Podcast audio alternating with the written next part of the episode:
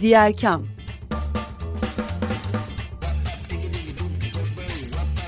Sosyal fayda dünyasından fikirler, tartışmalar, haberler.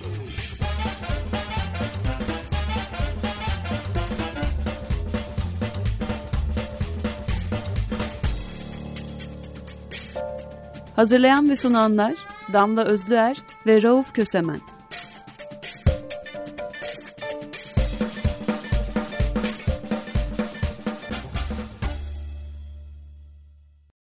Herkese merhaba 95.0 Açık Radyo'dasınız. Diğer Kam ekibi olarak deprem özel yayınlarımıza devam ediyoruz. Sevgili program ortağım Rauf Kösemen de bizlerle beraber bugün. Özel yayınlarımızda arada sırada Açık Radyo'nun diğer programlarına da konuk oluyoruz. Yine ve tekrar bütün programcı arkadaşlarımıza bize ayırdıkları ek zaman için çok teşekkür ederim. Bugün özel bir konuğumuz var. Profesör Doktor Mehmet Alkan bizlerle beraber ve hocamızla tarihimizde depremler ve kitle iletişimine yansımaları üzerine konuşacağız. Rauf hemen ilk soru için topu sana atıyorum. Ee, aslında 1894 İstanbul depremi diye tarihimize geçen bir deprem var. Bu deprem tahmini büyüklüğü 7, tahmini şiddeti de 9 tarih e, olduğu için öyle e, biliniyor. İstanbul Adapazarı, İzmit ve Yalova'da yaşanmış. Yani aslında şu sırada beklediğimiz depremin bir şeyi benzeri e, ve tekrarını bekliyoruz. Ben oradan başlayayım. Yani Osmanlı'daki e, bugüne gelen ve büyük deprem olarak kayda alınmış bir deprem var. E, hocam da onun üzerine çalıştı biliyoruz. Hoş geldiniz hocam bu arada. Ee, hoş bulduk. Teşekkür ederim programınıza davet ettiğiniz için. 1894 İstanbul depremi diye ben koyayım şeyi ortaya başlığı. Söz sizde buyurun. Ee, şimdi Rauf tam senin dediğin gibi işte 10 e, Temmuz 1894'te e, İstanbul'da 19. yüzyılın son büyük depremi yaşanıyor. Tabii e, şöyle düşünmek lazım. İstanbul'da daha önce de, de depremler yaşandı. Bunların en kayda geçeni ve çarpıcı olanlarından bir tanesi Kıyameti Suğra denilen yani Küçük Kıyamet adı verilen 1509 depremi ki İstanbul'u çok etkilediğini biliyoruz. Tsunami e, e, yarattığını biliyoruz. Yani e, metresini bilmemekle beraber. Sonra 1766 depremi var.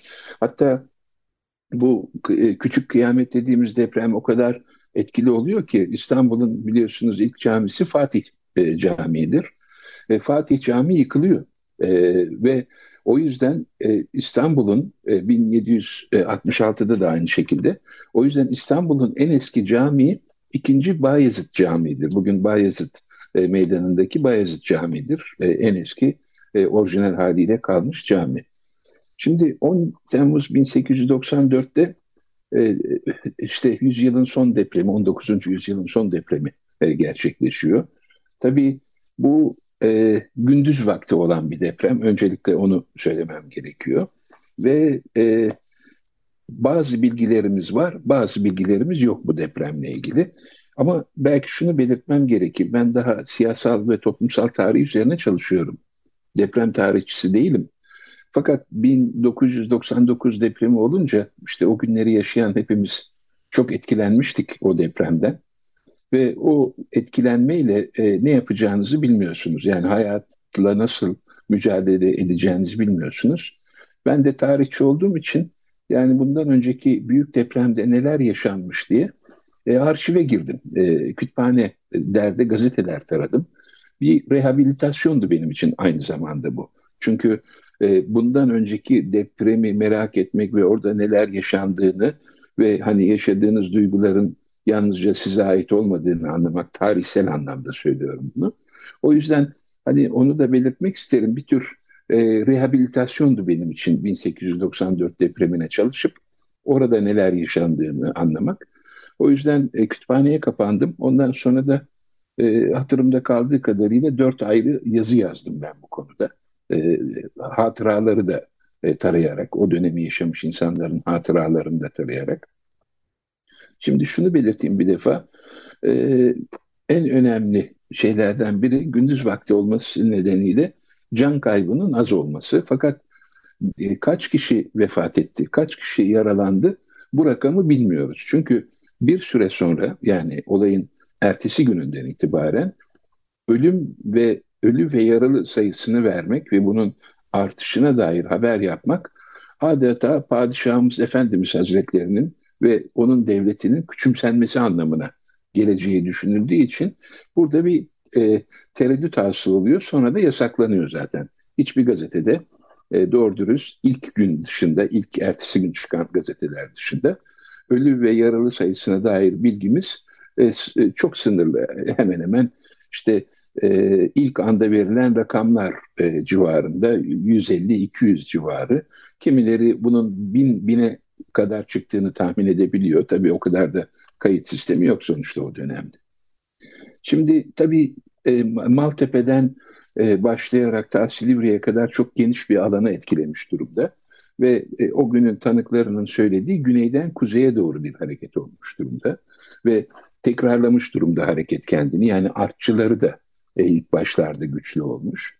Buna e, dönem insanı uzun süre 1310 depremi diye hatırlar. Çünkü mali tarihle 1310 yılına denk düşer.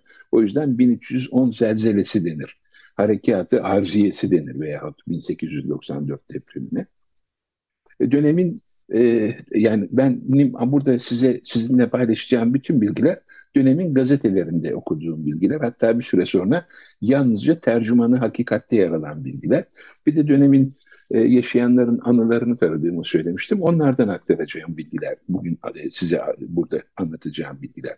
Şimdi e, ilk gözlemlerden biri Salatin camilerinin yani sultanların yaptırdığı camilerin ayakta kaldığı şeklinde. E, bazılarının minareleri yıkılıyor ama e, bir kütle olarak yıkılmadıkları görülüyor. Bir bunu not etmiş o dönemin gazeteleri.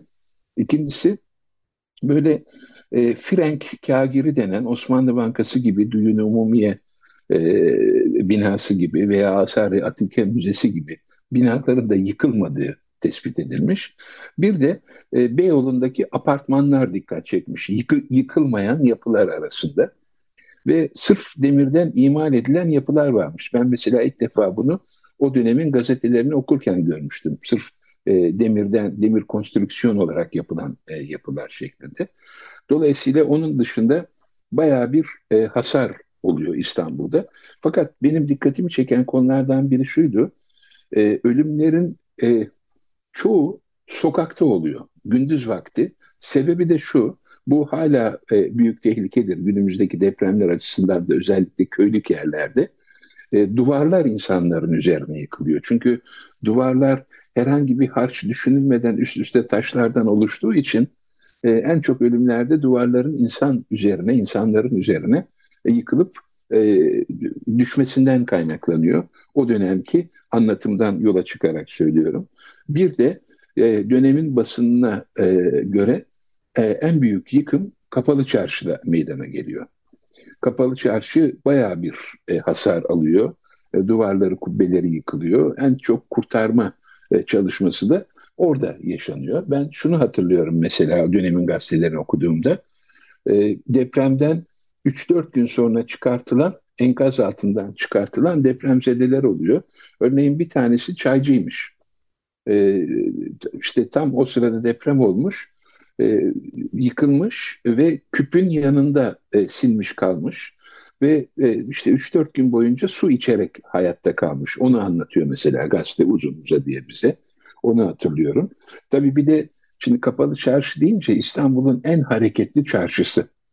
E, bu zaman zaman böyle hikayeler anlatılır. Ben duymuşumdur küçüklüğümde de.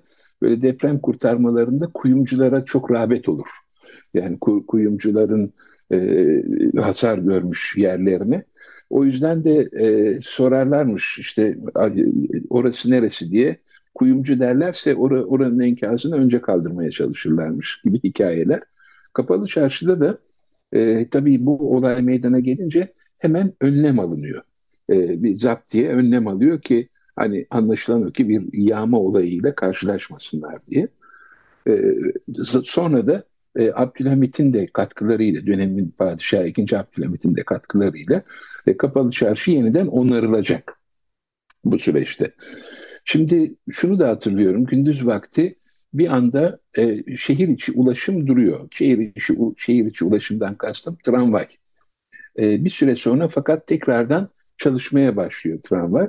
Ve ilginçtir mesela tramvay hemen ücretsiz hale getiriliyor. Ve tramvay depremden sonra belli bir süre bekledikten sonra bir iki saat arkasından ücretsiz olarak hizmet vermeye başlıyor. Ve ikinci problem tabii e, şimdi yaşandığı gibi e, yiyecek problemi. Fırınlar tabii e, kapanmış durumda, fırıncılar kaçmış durumda. Hemen emir veriliyor belediyelere, fırınlar açtırılıyor ve ekmek üretimine başlatılıyor ve ücretsiz taşıma gibi belli bir süre ücretsiz ekmek dağıtılıyor halka o panikle. Çünkü akşam oluyor artık, akşam oluşmuş durumda. Dolayısıyla e, böyle bir e, refleks var o döneme baktığımızda. Yani hemen halkın e, ulaşım ihtiyacını, e, yiyecek ihtiyacını e, karşılamaya yönelik bir takım yani o gün için yapılanları söylüyorum. Tabii ertesi gün olduğunda e, ilginç e, olaylara e, tanık oluyoruz veya okuyoruz. Bir tanesi Mesela dönemin tercümanı Hakikat gazetesi ki Ahmet Mithat Efendi çıkartır. Ahmet Mithat Efendi benim çok sevdiğim bir yazardır. Herhalde Osmanlı döneminde en keyif alarak, lezzet alarak okuduğum yazarlardan biridir. Ve fakat maalesef 2. Abdülhamit döneminin yarı sözcüsü ve yandaş gazetecisidir. Bunu da üzülerek söylüyorum. Çok yetenekli bir adam çünkü. Ama belki de o yandaşlığı sayesinde o kadar süre gazetesini çıkarttı dergilerini, kitaplarını bastırabildi. Mesela Tercüman Hakikat Gazetesi ertesi gün e, padişahın sa- sağlığına dua ederek çıkıyor. Yani padişahımız Efendimizin sağlığına duacıyız. İyi ki böyle bir padişahımız var. Ve onun da devleti var. Ve işte padişahımız ve onun devleti sayesinde e, bir yardım seferberliği başlamıştır halkımıza diye. Böyle bir e, hem Abdülhamit'i överek hem devleti överek e, bir e, başlangıç yapıyor ertesi günün gazeteleri. O dönemde çıkan başka gazeteler de var. Saadet, Sabah, İktam gibi Rumca gazeteler var. E, bana İktam var bir de. O yani hatırımda kaldığı kadarıyla depremin olduğu gün 6. sayısı yayınlanmış İktam'ın. Yani daha bir haftalık bir gazete bile değil. Ki dönemin önemli gazetelerinden biridir İktam. Ve o dönemde biliyorum kusura bakmayın bir, gazeteler yayınlanmadan önce sansür memuruna gidiyor onay alıyor. Yani e, uygun buluyor musunuz yarın yayınlayacağımız gazeteyi bulmuyor musunuz diye sansür memurları da satır satır okuyarak uygun bulmadıkları yerlere çiziyorlar. Şu bu e, her şey öyle oluyor. O gün de e, İktam gazeteyi göndermiş e, sansür memurunun yarı denetiminden geçmiş fakat gözlerden kaçan e, çok e, vahim bir hata var. E, padişah padişah hitaben Cenabı Şehriyari diye bir hitap kullanmışlar. Cenabı Cenabı Padişahi diye bir hitap kullanmışlar. Fakat bir başka sütundaki Monsieur sözcüğü bunun başına gelmiş. Yani Monsieur Cenabı Padişahı olmuş. Tabii 6. günde e, şok oluyorlar bu hatayı görünce ve diyorlar ki muhtemelen e, sansür memurları e, işte bu buna büyük bir ceza verir, e, şey yaparlar, bizi kapatırlar mı falan derken deprem oluyor. Deprem olunca iktidarcılar seviniyorlar. Bak diyorlar herhalde bu korkunç hengamede kimse e, bizim e, hatamızı görmez böylecine e, kurtarırız e, şeklinde. Fakat sansürcülerin gözünden kaçmıyor bu Monsieur Cenabı Padişahilleri hitabı ve hemen e, biraz sonra o deprem engelmesi içinde şaşırtıcı bir şey. E, bir sansür memurunu yolluyorlar e, ve bir ay boyunca İktam Gazetesi kapalı kalıyor. Sırf bu sebepten dolayı. Monsieur sözcüğünün e, Cenabı Padişahileri e, hitabının başına gelmesi sebebiyle. Şimdi ve o dönemde memleketin, memleketin tarihi davranışsal olarak olgusal değil belki ama davranışsal olarak bayağı tekerrürden ibaret Tek, yani. Kesinlikle. Ee, tabii şimdi bu şimdi günümüzde daha çok sosyal medya kapanıyor. O dönemde gazeteler kapanıyor. Çünkü peş peşe e, gazetelerin o dönemde mesela Saadet Gazetesi'nin, Sabah Gazetesi'nin de kapandığını görüyoruz bir süre sonra. Kapanma sebepleri de hilafı hakikat yani gerçek dışı e, haber yapmak. Bu gerçek dışı haber yapmaya e, artan ölü sayısını vermek dahil. E, bu da ilginç. Yani e, o dönemin e, basınına yönelik böyle bir e, önlem. Geriye yalnızca tercümanı Hakikat Gazetesi kalıyor Ahmet Metin Efendi'nin. Zaten izleyen e, günlerde daha çok onun e, e, gazetesinden haberleri izlemeye ve derlemeye başlıyoruz. Ama o da iyi ki var çünkü o sayede günlük yaşama nasıl yansıdığını anlıyoruz depremin. Şimdi başka e, ilginç bir gelişme benim için yani çarpıcı bir gelişme. Depremden hemen sonra e, belediye dairelerine o zaman ilçe belediyesine daire deniyor. Belediye dairelerinde teftiş ve tahkik heyetleri kuruluyor. Yani ve belediye e, reisleri yani daire başkan, daire reisleri kendi e, emirleri altında kurullar oluşturup hasar tespiti yapmaya başlıyorlar ertesi günden itibaren. Bu refleks bana çok iyi gel e, ilginç gelmişti. Bir başkası İane-i Müsabin Komisyonu halisi kuruluyor. Yani bu sıkıntıya uğrayanlara, musibete uğrayanlara yardım komisyonu diye bir resmi komisyon oluşturuluyor.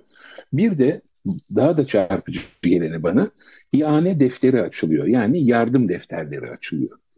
Dolayısıyla bu yardım defterlerinde işte bu depremden zarar görmüş kişilere, hanelere e, yardım e, toplanacak ve dağıtılacak. Bana ilginç gelen konu şu.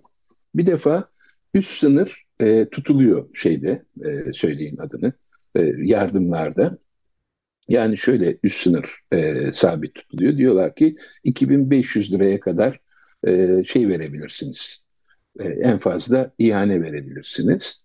Dolayısıyla üst sınır 2500 kuruş olarak belirleniyor. Ve o ihane defterleri ertesi günden itibaren gazetelerde özellikle işte tercümanı hakikatte gün gün yayınlanmaya başlıyor. Yani işte diyelim ki Kartal'dan Hacı Osman Ağa bin kuruş. E, diyelim ki işte Karagümrük'ten Ayşe Hanım işte e, bin kuruş gibi kimin nerede kimin e, yardım yaptığı ve miktarı gazetelerde yayınlanmaya başlıyor. O yayınlanırken bu yardım komisyonları, hasar tespit komisyonlarının raporlarına dayalı olarak yardımlar da başlıyor. Ve dolayısıyla hem gelen yardımlar gazetelerde bir ilan şeklinde yayınlanmaya başlıyor resmi ilan olarak hem de yardımların kime ve ne kadar yapıldığı yayınlanmaya başlıyor. Yani işte orada da deniyor ki mesela Çukurbostan'daki Ali Efendi'ye 50 kuruş, işte e, Fatih'teki Mehmet Efendi'ye işte 750 kuruş hane yardımı yapıldı gibi. Yani gelen para miktarını görüyorsunuz harcanan para miktarını görüyorsunuz. Bir istibdat dönemi, e, 2. Abdülhamit dönemi, istibdat dönemiyle böyle bağdaşmayan bir şeffaflık ve açıklık bana doğrusu çok ilginç gelmişti. Bunu belirtebilirim. Ee, belki ee, bir yandan Rolf hep şeyi söyler, e, elimizdeki araçlar çok gelişse de insanların davranış biçimleri o kadar hızlı değişmiyor. Bugün olan bir takım şeylere baktığımız zaman da benzeri bir hani alınan yardımların ve yapılanların karşılaştırıldığı özellikle sivil toplumdan yükselen bir hareket de gördük. Ee, bunu böyle karşılaştırmalı görmek çok heyecan verici hakikaten. Evet yani hakikaten o dayanışmayı görüyoruz e, Damla Hanım hiç onda hiç tereddüt yok. Bir de şimdi yine Rauf'un belki tespiti bu açıdan bu davranışsal benzerlik tespiti doğru. Mesela e, nasıl şimdi e, kiralar bir anda fahiş şekilde artıyor vesaire. Mesela o dönemde e, gazeteye yansıyan ilk fahiş e, mal haberi kereste. Kereste fiyatları yüzde elli artıyor bir anda. Çünkü kereste evlerin onarımında kullanılacak başlıca malzeme ve onun onun da hemen kara borsaya düştüğünü görüyoruz. Yüzde elli fiyat artışıyla beraber. Hatta daha ilginç bir şey söyleyeyim size. Gazetelerin kendisi kara borsaya düşüyor.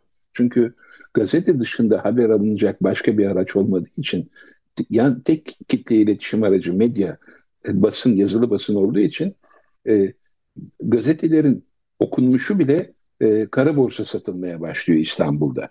E, dolayısıyla böyle ilginç hani e, benzerlikler var e, dönemle baktığınızda. Şimdi aslında başka ilginç bir şey daha var benzerlik açısından baktığımızda. Şimdi de konuşuluyor ya bir hatta televizyon programları bile yaptılar. Hani bu depremi Amerika yapmış olabilir mi? Bu depremi Rusya yapmış olabilir mi? Bir takım böyle jeolojik komple teorileri e, üretiliyor. Bu o dönemde de üretilmiş. Bu da çok ilginç. E, mesela o dönemde... Sondaj, yani... sondaj gemisi galiba değil mi? Yanlış hatırlamıyorum. evet. Yani hani Amerika'nın gönderdiği sondaj gemisinin yarattığı artık yani şey e, bir takım fantaziler var. Şimdi o dönemde de e, hem dedikodular hem böyle söylentiler yayılmaya başlıyor. Bu deprem nereden çıktı? Çok uzun süredir deprem olmamış İstanbul'da ve çok etkilemiş insanları. Tabii e, bir, kısmı diyorlar ki ya siz bilmiyorsunuz Marmara'nın ortasında bir volkan var. O patladı. Öyle bir patladı ki İstanbul'u sarstı. E, bir tanesi e, bir başka mesela dedikodu gazeteye yansıyan deprem sonrasında deniz mürekkep gibi karardı, simsiyah oldu. Binlerce palamut helak oldu diyorlar. Ya yani buradan şunu da anlıyoruz. Tam da palamut mevsimi. Tabii o zaman e, çok daha boldur muhtemelen palamut. Şimdi e, neredeyse hiç kalmadı. Mesela bir başka hikaye hayırsız adanın e, kaybolduğu şeklinde. E, hayırsız ada kayboldu e, şeklinde bir e, söylenti dolanıyor. Tabii benim en hoşuma gidenlerden biri e, bu depremi erbabı fesat çıkartmıştır deniyor. Erbabı fesat dedikleri yeni yeni böyle o dönemde e, ortaya çıkan İttihat Terakki Jön Türkler kastediliyor. Aslında e, şöyle bir ilginç bilgi vereyim size. O pek az konuşulmuştur bizim tarihimizde. Bu İstanbul depreminden e, yaklaşık 7 yıl sonra 1901 yılında e, yine benzer bir deprem yaşanıyor ve büyüklüğü 7.2 olarak ölçülüyor. O da çok büyük bir deprem. 1901 zelzelesi diye geçiyor. Mesela orada da en ilginç şeyler, iki ilginç konu var. O, onu da belirtmiş olayım bu vesileyle. E, onunla, yani oradaki ilginç konu da bu depremi de erbab fesat denen e, yani e, muhalif Jön Türklerin çıkarttığı, muhalif Jön Türklerin bu depremi yaptığı şeklinde. E, şöyle ki e, diyorlar ki e, Jön Türkler zaten Abdülhamit Tanrı Efendimiz Sani e, e, Abdülhamit Tanrı Sani Efendimiz Hazretlerinden hiç hoşlanmıyorlar. Bunlar böyle bir kayıkla Sarayburnu açığına geldiler. Sarayburnu açığından böyle büyük böyle koca bir küp şeklinde bir demirden bir şeyi zincirlerle aşağıya bıraktılar. Sonra hızlı hızlı kayıklarını e, küreklerini çekip kayıkların küreklerini sahile çıktılar ve bir müddet sonra Sarayburnu'nun o dibinden büyük bir patlama yaşayıp oldu ve e, deprem oldu diyorlar. Ve şimdi hani biz güleriz buna normalde fakat buna soruşturma açılıyor. Yani diyorlar ki gidin bakın bakalım bu öyle mi oldu? Hakikaten bu e, erbabı fesat jön Türkler, iddiatçılar oraya bir şey mi koydular bomba gibi? Ondan sebep mi bir patlama yaşandı? Türünden böyle Sarayburnu açıklarına atfen bir takım şeyler, e, dedikodular diyelim Rauf. Açıkçası yaşadığımız pek çok güncel gelişmeyle birlikte e, gülebileceğimizi de sanmıyorum hocam. Galiba en acısı o. Evet. Şimdi e, e, e, şöyle bir not almışım ben ve bunu ezberleyemem çünkü. İbrahim Temo bu 1894 depremi olduğu zaman İbrahim Temo tabii o dönemin İttihat Terakki Cemiyeti'nin bir numaralı kurucusu İbrahim Temo. İbrahim Temo şöyle bir dörtlük yazmış e, deprem olduğu zaman e, İstanbul'da. Ve izin verirseniz onu ben bakarak okuyacağım yani e, irticalen söyleyemem dedim. Estağfurullah lütfen. Zelzele hiddet edip sarstı payitahtını Abdülhamit'e hitap ediyor. Yani deprem hiddetlenip başkentini sarstı. Şeyh Ebil Hüda'ya sormakta ne mana baktığını diyor. Ebil Hüda 2. Abdülhamit'e yakınlığı ile bilinen Rüfai Şeyhi bu arada. Yani böyle yakın ilişkileri var. Dolayısıyla bu ilk iki dizeyi yeniden okuyayım. Zelzele hiddet edip sarstı payitahtını. Şeyh Ebil Hüda'ya sormakta ne mana baktığını. Sonra devam ediyor.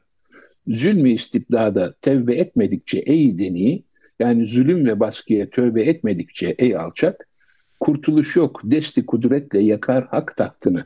Yani kurtuluş yok, hak tahtını kudretli eliyle yakar, yıkar. Yani zulmü istibdatta tevbe etmedikçe ey deni, kurtuluş yok, desti kudretle yıkar hak tahtını diye Abdülhamit'in tahtının, istibdadın tahtının e, yıkılacağı şeklinde bir dörtlük yazmış durumda. 14 yıl sonra taht gidiyor değil mi? Evet. evet. 1908'de. Hocam e, sonuna geldik. E, bir dakikamız var.